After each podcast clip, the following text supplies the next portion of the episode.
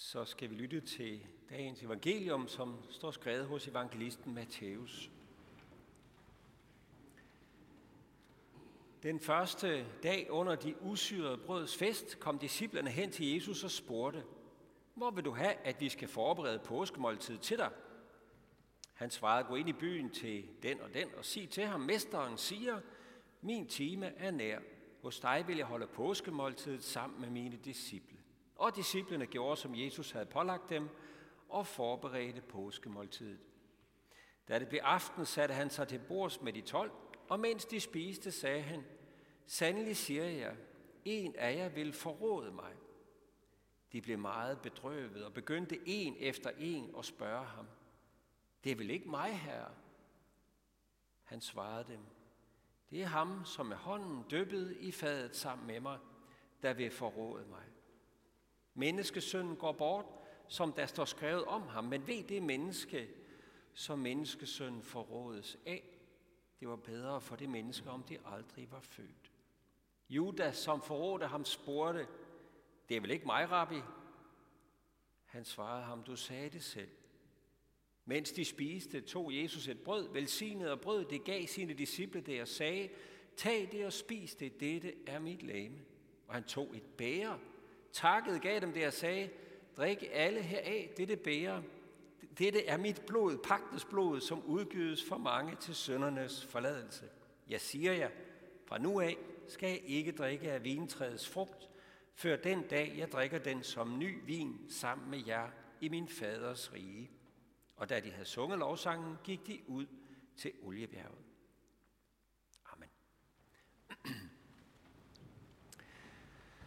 Skal torsdag ser vi tilbage på den aften i Jesu liv, som vi ved allermest om. Og så fejrer vi, at Jesus indstiftede et øh, måltid.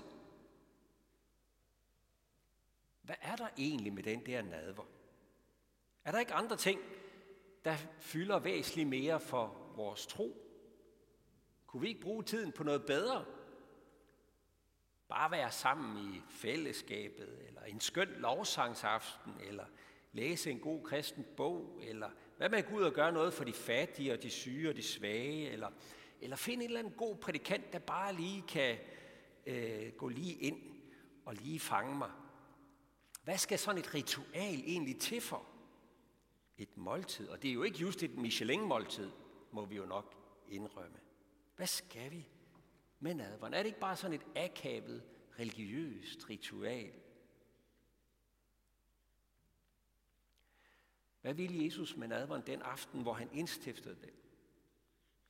Måske kan man sige det sådan, at det Jesus gjorde, det var, at han tog alt det, han vil give os. Alt det, han vil give sine disciple, Guds kærlighed, nærvær, tilgivelse, evigt liv, og det lagde han ind i et lille stykke brød og noget vin. Og så gjorde han det sådan, at alt det var tilgængeligt i det stykke brød og vin. Det blev spiseligt, det han ville give dem. Alt det han ville give dem, blev spiseligt. Det som de ikke selv kunne gribe med deres hoveder, eller, eller rumme, eller fatte, eller tro som ind. Det fik de at spise. Eller sagt med andre ord. Jesus planter korset med alt, hvad det indebærer, rummer og står for, lige midt i deres liv. Og gør det lige så tilgængeligt for dem, som det at tage et stykke knækbrød og skylde ned med en chat vin.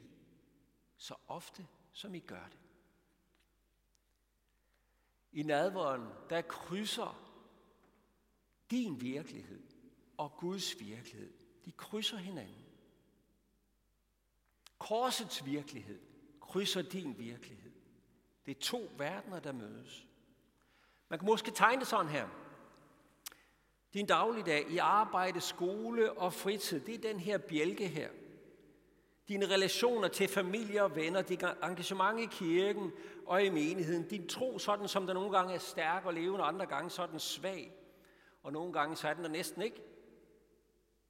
Dine kampe, dine sejre, dine nederlag, leg og alvor, lovsang, klagesang, alt det du støder ind i af lykke og ulykke, gevinst i lotteriet, småskevanker, alvorlig sygdom, alt sammen på den her linje.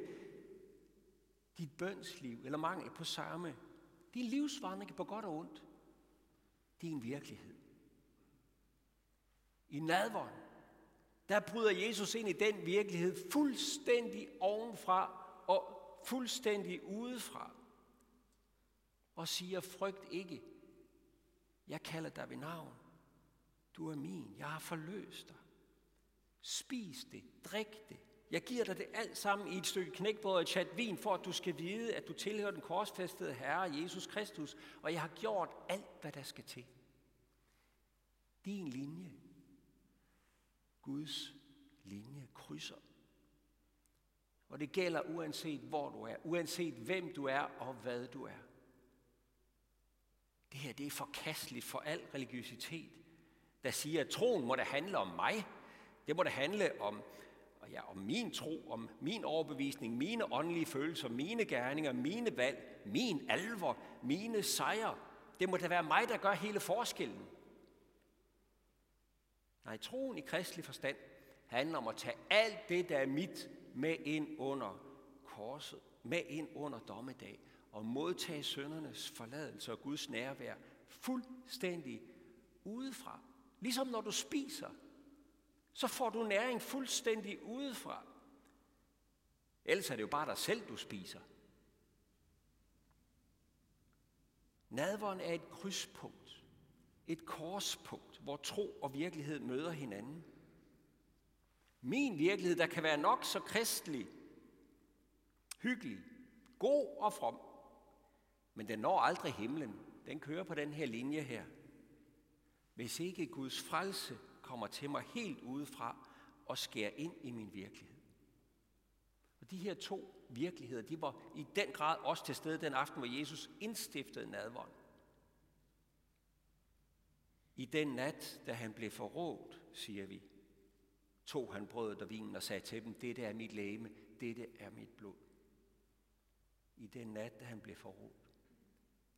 Den aften var disciplerne totalt forvirrede. En af dem ville forråde ham, en anden ville være troshelt. De kom op og toppes om, hvem der var den vigtigste. Ingen af dem forstod ret meget af det, Jesus sagde og gjorde, og de havde deres helt egne idé om, øh, hvordan Jesus han skulle være messias. Så en af dem forlod festen midt i det hele. Og der var måske nok lovsang, ja, men stemningen kunne ikke holdes oppe ret længe. Jesus ødelagde den jo ved at snakke om sin forestående død. Og jo længere vi følger disciplene ud af den linje, den aften og nat, desto værre blev det. Mørket tog til. Tvivlen og angsten tog til, og troen led skibbrud. De faldt i søvn. I den nat, hvor Jesus blev forrådt. Vi kunne tilføje, hvor han blev misforstået, forladt og fornægtet. I den sorte nat, hvor al kristelig idealisme og selvretfærdighed led en bitter død. Netop i den nat tog Jesus et brød og gav dem det og sagde, spis det. Og han tog noget vin og sagde, drik det, for det er mit læme og det er mit blod. Modtag Guds frelse, Guds kærlighed, søndernes forladelse og mit nærvær helt ufortjent og uforskyldt. For jeg bytter med dig. Jeg tager din død, så du kan få mit liv. Måske husker du Peters reaktion samme aften, da Jesus ville vaske hans fødder. Hvad? sagde han. Hvad skal det nu til? For Jeg mine sure tær, vil du vaske dem? Det er da for pinligt. Og Jesus sagde, hvis ikke jeg vasker dig, har du ikke lod og del sammen med mig. Peter han ville helst have haft Guds rige på en anden måde, i forlængelse af sin egen linje. Hvor han ikke måtte give slip på sin egen religiøsitet, trostyrke, åndelig position osv. Hvor han ikke skulle stå afsløret som et syndigt menneske, der har brug for hjælp udefra. Han ønskede ikke at skulle modtage Guds rige ved et simpelt ritual, som enhver kan gå igennem, og som stiller os alle sammen lige på den samme linje. Og som afslører, at der er kun én ting, der gør forskellen på frelse og fortabelse. Og det er det, Gud har gjort for os og gør for os. Men da Peter nogle timer senere stod udenfor i mørket og følte, at alt var tabt, så var der kun det tilbage. Dette er mit lægeme givet for dig, skåret ind i din verden. Dette er mit blod udgydt for dig, for at du skal være min. Og derfor skal vi heller ikke foragte nadvånd. Derfor er det et måltid, vi aldrig bør faste fra. For det er her, Jesus har lovet at møde os og give os lod og del i alt det, han vil give os fra Gud. Alt det Gud har til os. Hvis det var noget sværere, han havde befalet dig at gøre, ville du så ikke have gjort det? Her inviterer Jesus dig til at spise og drikke af livets træ. Så spis, drik og vær glad for det, han har gjort for dig.